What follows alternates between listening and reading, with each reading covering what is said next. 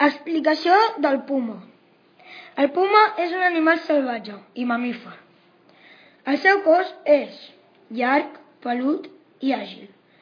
I el cap té forma de gat i, i té unes orelles molt petites.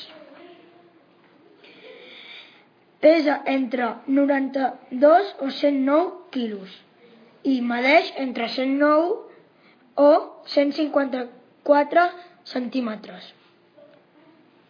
Els ulls són petits i una mica aixinats.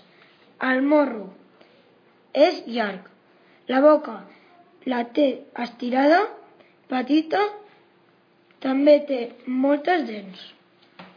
Menja cèrvols i viu a les muntanyes en llocs humits i deserts.